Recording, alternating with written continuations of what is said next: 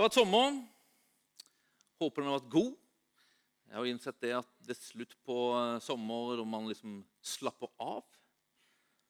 Nå kobler man av. Det betyr at man gjør noe annet enn man bruker å gjøre. Men det er ganske intensivt å ha to små barn.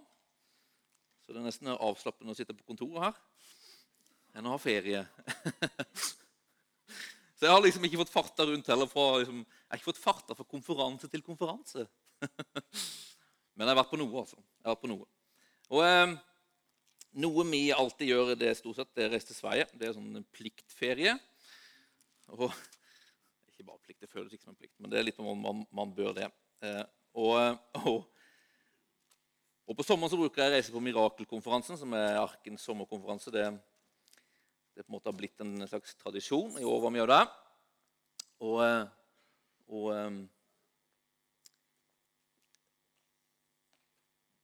Noe jeg hørte der, som eh, beit seg liksom fast i meg.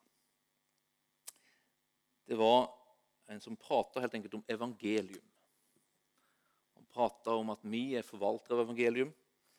Og, eh, og, eh, og, det å engasjere seg og gi seg til evangeliets liksom, sak.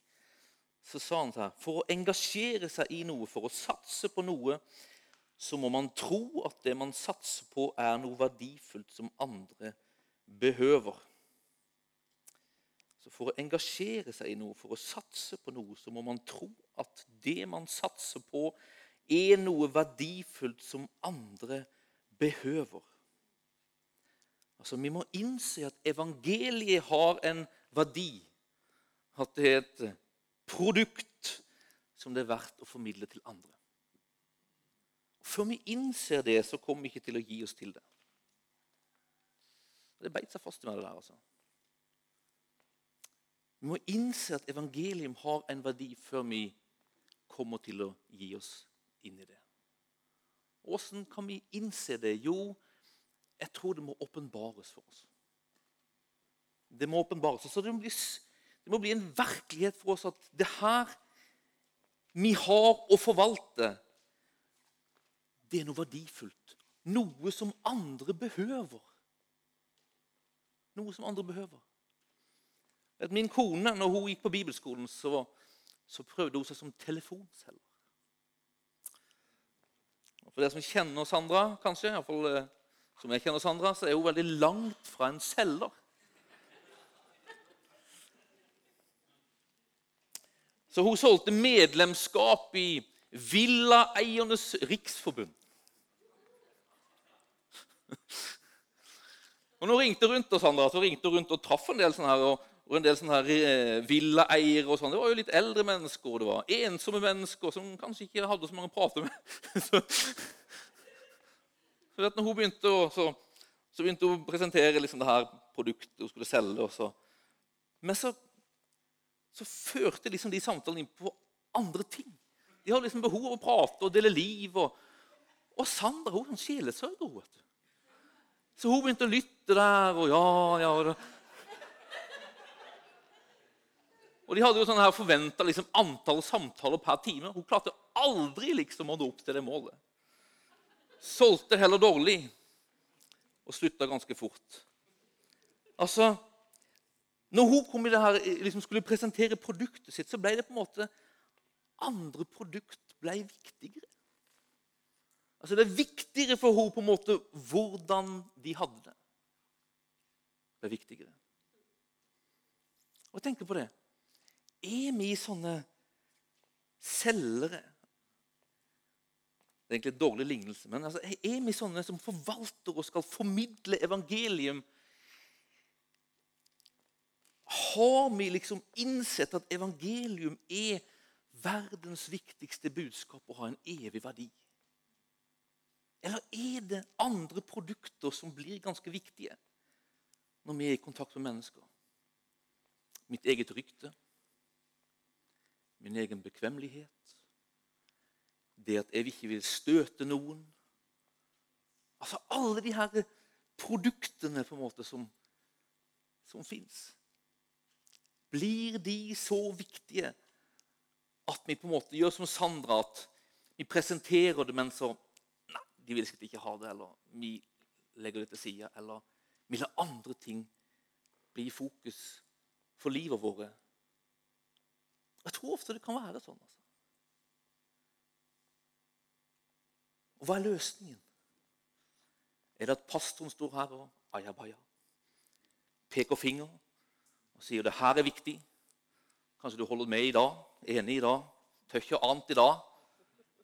Men er det noe forskjell i morgen? Tror vi må få åpenbaring om dette evangelium. Hva det innebærer. Og hva det innebærer for oss. Og hva det innebærer for mennesker der ute. Og Det første vi bør forstå, er jo for sånn, hva innebærer det for oss. Det begynner liksom der. Når vi forstår på våre liv, i våre liv, det her er verdifullt. Det her behøver noen andre. Så begynner det å prege oss. Paulus han skriver et brev til eh, en mann som heter Titus. Når han skriver til Titus, så skriver han liksom til Titus Han er på Kreta, og så skriver han til dem for at de, han skal instruere kreterne, de som er kristne der, om at de skal på en måte leve evangelium verdig. De skal gjøre godt. De skal ikke gjøre som kretere flest, nemlig å ljuge og bedra. Altså, det er ikke som liv lyver på Kreta, i hvert fall på den tida. De skal leve verdig. De skal leve sånn at, sånn at lære, Kristi lære liksom blir æra og ikke blir liksom tilsmutsa. Og så skriver han i kapittel 3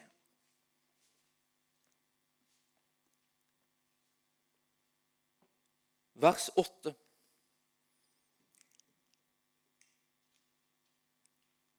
På en måte hva som er løsningen han ser, hva som han, han, han liksom behøver å skje, og hva Titus behøver å gjøre for at, for at de skal skjerpe seg og bli ivrige i det å være etterfølgere og det å leve ut og formidle evangelium, sier han. Dette er et troverdig ord, og jeg vil at du skal innprente det, så de som er kommet til tro på Gud, blir ivrige etter å gjøre gode gjerninger. Alt dette er godt og gagnlig for menneskene. Han prater om et troverdig ord som Titus skal prente inn i kreterne. Og Hva er det troverdige ordet? Jo, vi ser det i versene før.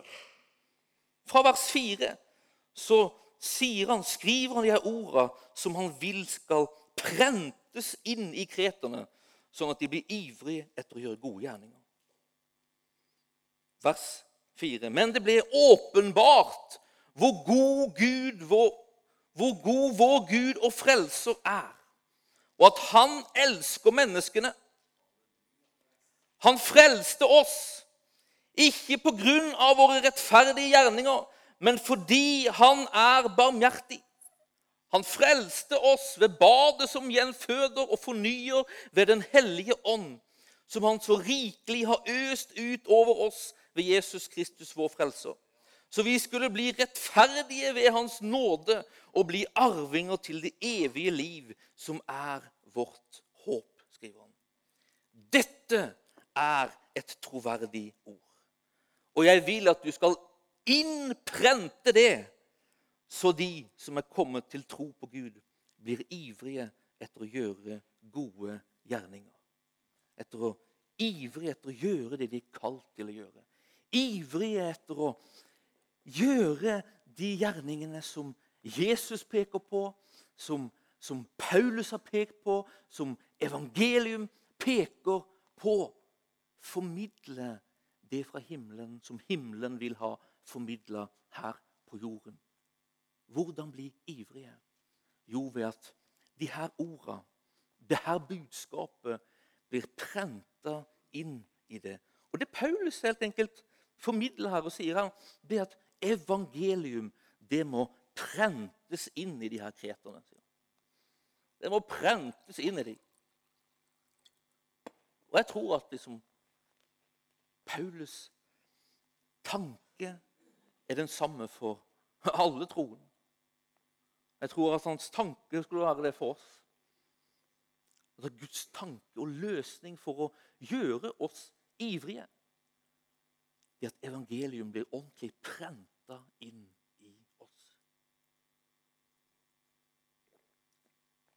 Hva er dette evangelium? Hva innebærer det for oss? Der tror jeg løsningen er. Jeg tror løsningen på å gjøre oss ivrige Nå sier ikke at ikke vi er ivrige, for det er masse ivrige folk i denne menigheten. Tro ikke annet. Det er flere ivrige folk i denne menigheten enn jeg tror du vet om. Den er den store fornøyelsen faktisk, det å være, være pastor her. at liksom, De fleste tinga kommer liksom en for øre etter hvert. Både negativt og positive ting. for å si Men det kommer masse positivt for ens øre. altså. Av mennesker som ikke vil gjøre noe vesen av seg. Som ikke vil eh, vitne om det, som ikke vil skryte av det, livredde for det. Det er typisk prolending, har funnet ut.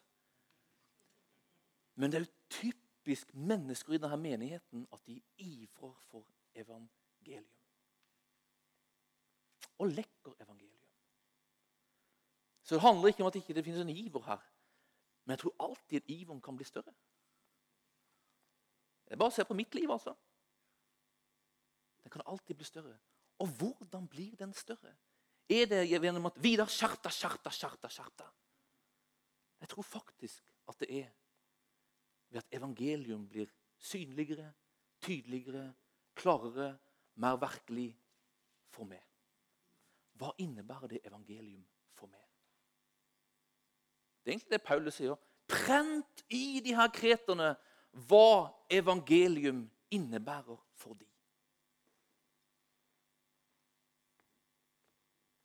At i evangelium så åpenbares det hvor god Gud vår eller hvor god vår Gud og frelser er, og at han elsker menneskene. Hvordan blir det åpenbart? Jo, han frelste oss ikke pga. våre rettferdige gjerninger, men fordi han er barmhjertig. Evangelium åpenbarer Guds barmhjertighet over ditt og mitt liv. Forstår vi at du har fått barmhjertighet fra Gud? Forstår vi det? Jesus han, han, eh, han er en gang og, og gjester den herre Simons hus i Lukas 7. Og Inn i det huset så dukker det opp denne kvinnen som har et litt tvilsomt rykte. Hun var en av som levde et syndfullt liv, står det. Som kommer inn i det her fariseernes hus, der Jesus er. Og så kommer hun med en alabasterkrukke med fin, dyr salve stiller seg bak Jesus ved føttene hans og gråter. Og så begynner hun å fukte føttene hans med tårene og tørker de med håret sitt. Så kysser hun føttene hans og smører smurte det med salven, står det. Da skjer det her at denne fariseeren som har innbudt Jesus, han blir kritisk eller får forakt i hjertet over det nå som skjer. Og at ikke Jesus på en måte tar affære her. At ikke han forstår hva slags kvinne det her er som rører ved han at det er en syndig kvinne. Og Så forteller denne Jesus denne fortellingen fra vers 40. Sier Jesus, 'Simon, jeg har noe å si deg.' 'Si det, mester', svarte han. Jesus sa, 'To menn hadde gjeld hos en pengeutlåner.' Den ene skyldte 500 denar og den andre 50. Men da de ikke hadde noe å betale med, etterga han de begge gjelda. Hvem av de ville da holde mest av ham? Simon svarte, 'Den han etterga mest', tenker jeg. Du har rett, sa Jesus. Så vendte han seg mot kvinnen og sa til Simon, 'Ser du denne kvinna?' Jeg kom inn i ditt hus, du ga meg ikke vann til føttene mine, men hun fukta dem med tårer og tørka dem med håret sitt. Du ga meg ikke noe velkomstkyss, men helt fra jeg kom, har hun ikke holdt opp med å kysse føttene mine. Du salva ikke hodet mitt med olje, men hun har smurte føttene mine med den fineste salve. Derfor sier jeg deg, Hennes mange synder er tilgitt, derfor har hun vist så stor kjærlighet. Men den som får lite tilgitt, elsker lite. Og Jesus' poeng liksom med Simon det er ikke at Simon ikke behøver å få så mye tilgitt. Nei, det er at han ikke har forstått at han faktisk har behovet av barmhjertighet. Eller klarer ikke å ta til seg at han behøver barmhjertighet. Den som har fått mye tilgitt, elsker mye.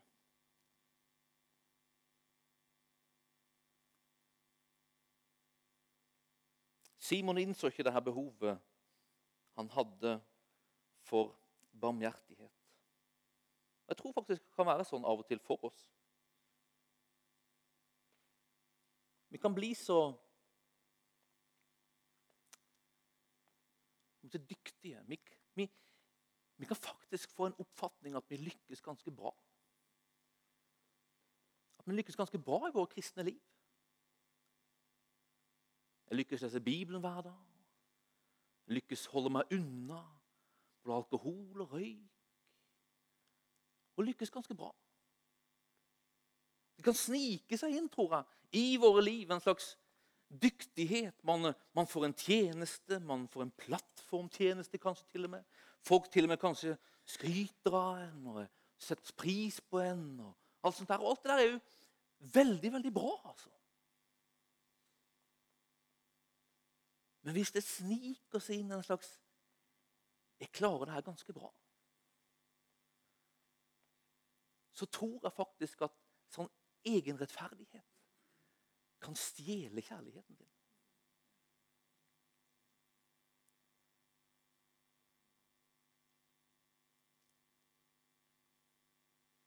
På andre sida så, kan det jo være sånn at du, at du, at du er vel liksom informert og klar over at du behøver barmhjertighet.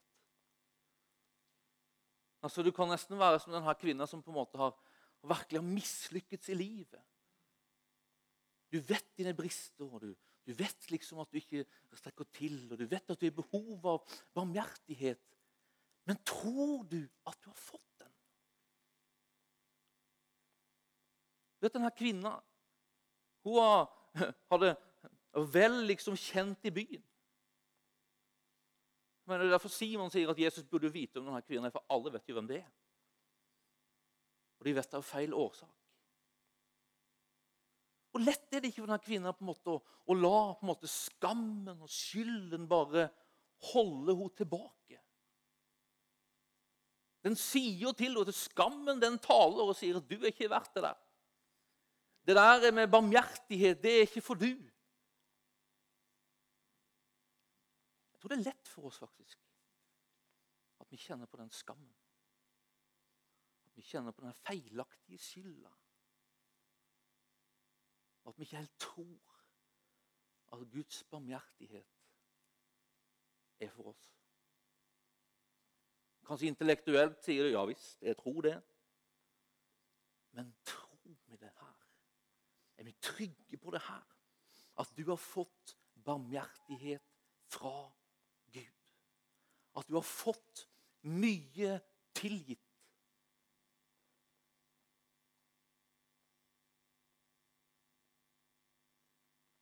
Skammen, den begrenser kjærligheten. Skammen gjør at du aldri kan elske deg sjøl. Kan du ikke elske deg sjøl, så har du store problemer med å elske andre. Så Hvis vi ikke innser som denne kvinna at vi har fått barmhjertighet fra Gud, vi har fått masse, masse tilgitt, så begrenser det vår kjærlighet så begrenser det vår iver etter å bringe evangeliet til mennesker. Etter å bringe evangeliet til mennesker.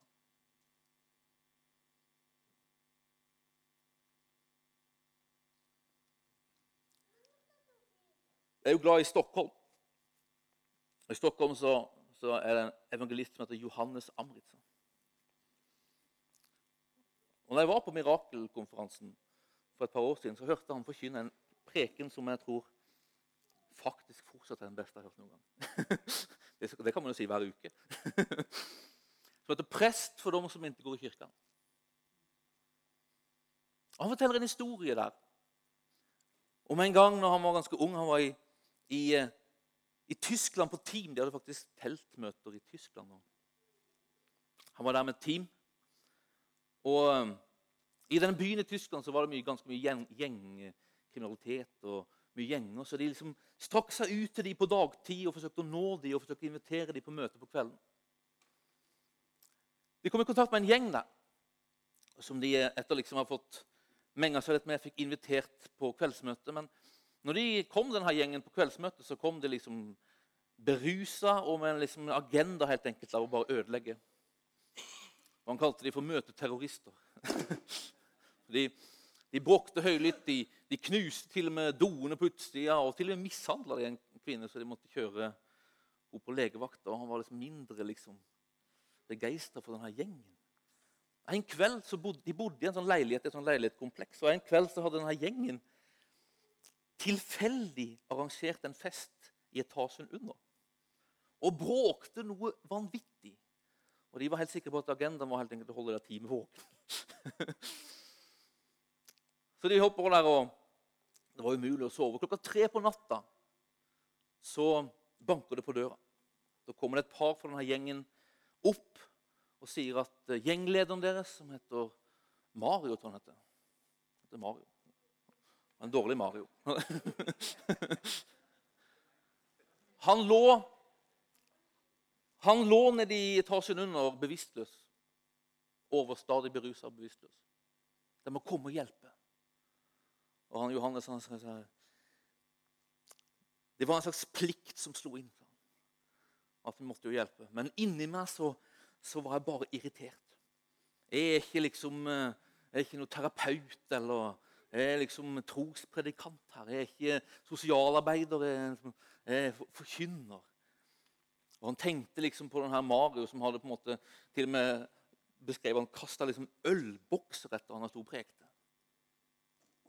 Men liksom mot liksom hjertets vilje så gikk de ned. og så tok de denne Mario, bar han opp i etasjen over. Og så eh, kledde de han, og så la de han i et badekar og dusja han. og Søkte å få han til å pigne til. Det var ikke så lett, men de fikk i hvert fall vaska han og gjort han rent. Og så skriver han, beskriver han at mens jeg holdt på med det der Og liksom jeg var irritert og vaska og lukta, det var ekkelt. Og mens jeg gjorde det, mens jeg barberte ham, så kom Den hellige ånd. Og så viste han meg hvordan min tilstand var før jeg fant Jesus. At det var en lignende tilstand. At akkurat det jeg holdt på med nå, knotene det var akkurat det Jesus hadde gjort med meg. Forbarmende. Av kjærlighet. Det var det evangelium var. Evangelium er at Gud gir og sender sin sønn mens vi enda var syndere. Mens vi lå i rennesteinen, mens vi lå liksom uslått i leiligheten under. Så kom han. Og jeg så det, sa han. Og når jeg så hvilken kjærlighet jeg hadde fått av Gud, hva evangelium innebar for meg, så bare vektes det en sånn kjærlighet til denne magen. Jeg begynte å gråte. Tårene rant. Men så fullførte jobben. og vi kledde han i mine klær, sa han. Og så tok man ut i leiligheten. og Så var han jo fortsatt helt fjern. Prøvde å gi henne mat. og sånn, og Så gikk det noen timer, og så pigna han til. Og når han pigna til, så, så bare liksom stakk han. Et par dager etterpå så kom han tilbake. Han hadde tydeligvis drukket litt for å våge det. Og Så begynte han på en måte nesten å konfrontere seg. Og på en måte liksom beskylde han for å trampe over grenser og, og liksom eh, gå over, bryte mot min egen integritet. Og så sa Johannes her Jeg bare så på han. Og så sa jeg Beklager det, men jeg gjorde bare det som Jesus har gjort mot meg. Og Da sa han, da knakk han sammen. Da knakk han sammen. Så falt han på kne, og så ropte han, 'Hjelp, Johannes, hva skal jeg gjøre?' Så fører de han til frelse, og så løper de han sammen med 70 andre personer som var nærmest knytta til hans nettverk i løpet av den uka de var der. Innebyrden av evangeliet gjorde at han kunne nå inn i en verden som ellers var stengt. Kunne nå inn i et hjerte som ellers var stengt. Det Paulus skriver til Titus, det her er evangelium. Det er et nådens evangelium. Et nådens evangelium. Det er nåden som, som, som når inn der ingenting annet når inn. Det er nåden som kan bøye hjerter som er ubøyelige.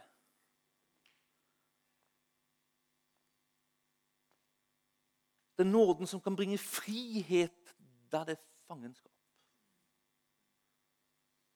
Den nåden må vi få tak på. Den nåden, det at det nåde fra Gud i evangeliet må prentes inn, sier Paulus.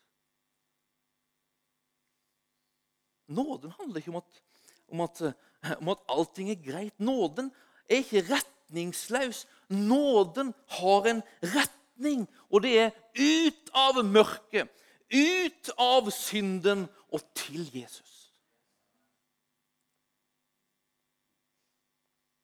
Men nåden klarer livet ditt. Nåden kommer dit du er, for å ta deg ut av det.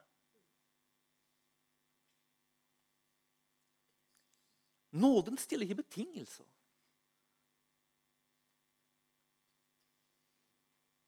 Nåden forakter ikke.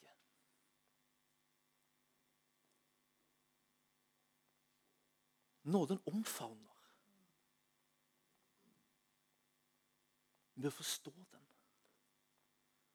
Forstå den. Så ikke vi blir som fariseeren Simon, som fylles av forakt i møte med synden, ondskapen, det forkastelige. Gud har satt oss her for å bringe mennesker ut i frihet. Gud har satt oss her for å bringe mennesker ut av mørket og inn i lyset.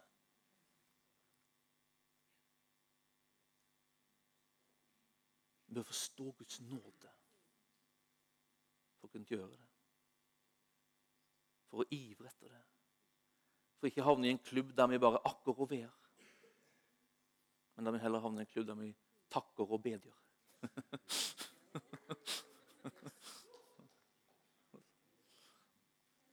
Prente inni de. Prente inni de. Jeg tror at evangeliet må prentes inn i oss. Prentes inn i oss.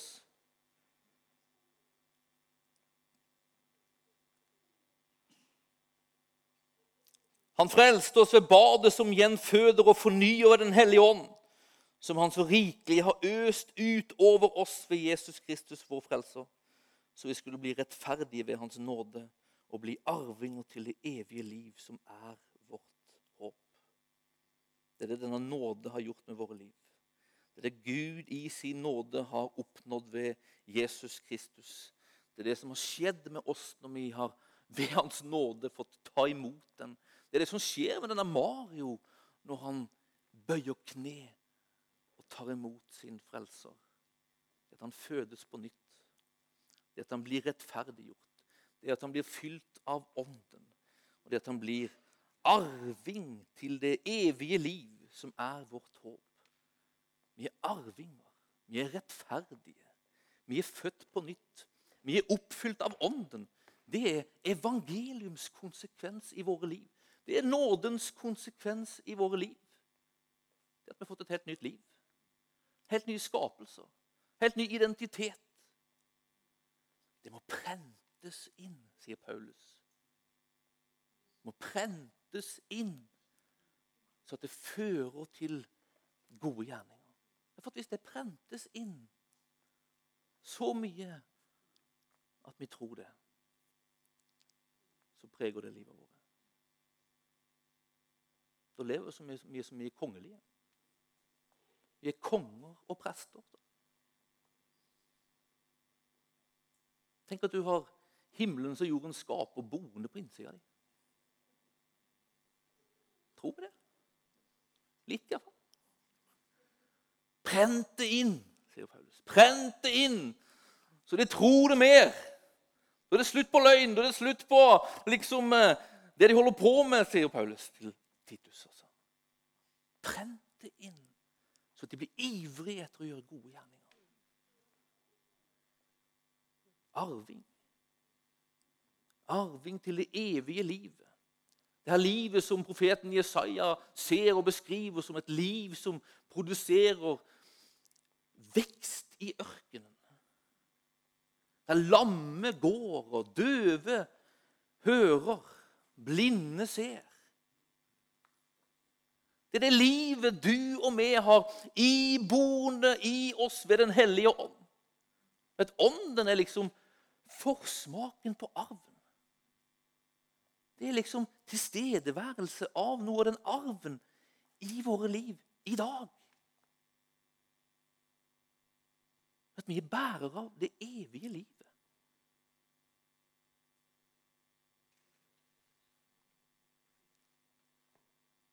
Det at vi er bærere av hans liv, det, det ikke bare, innebærer ikke bare at vi har fått en billett til himmelen. Det gjør det.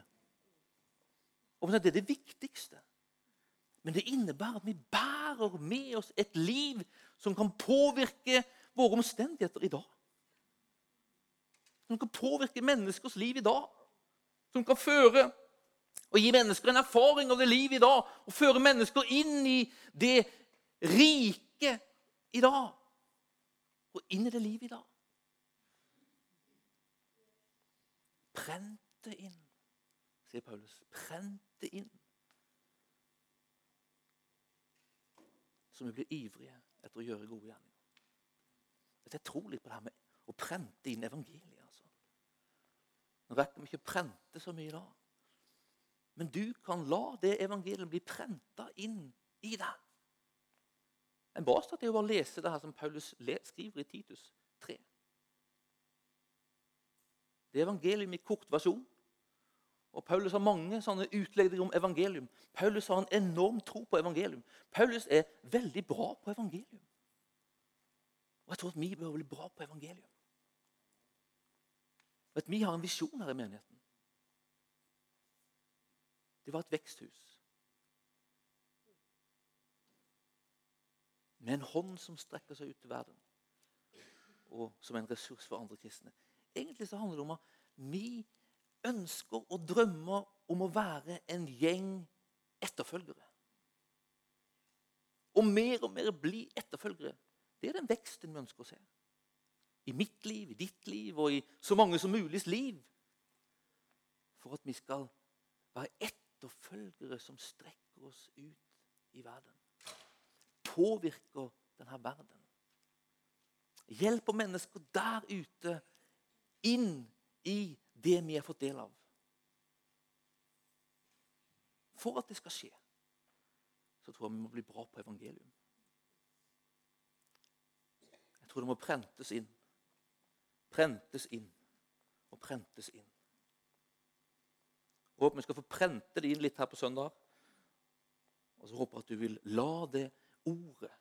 La bibelordet, la evangelium i Skriften få bli prenta inn i deg.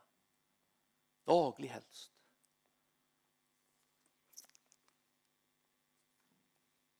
Sånn at vi mer og mer og mer og mer forstår hva det innebærer for mitt liv. Så jeg kan være med og formidle det til andre. Så jeg kan forstå at det er noe verdifullt, noe som andre behøver. For gjør vi det, så kommer vi mer og mer til å gi oss til det og satse på det. Amen. Amen. Amen, amen, amen. Bra med evangelium. Viktig med evangelium. Det viktigste, faktisk, som fins i denne verden. Er du og er her for evangeliums skyld?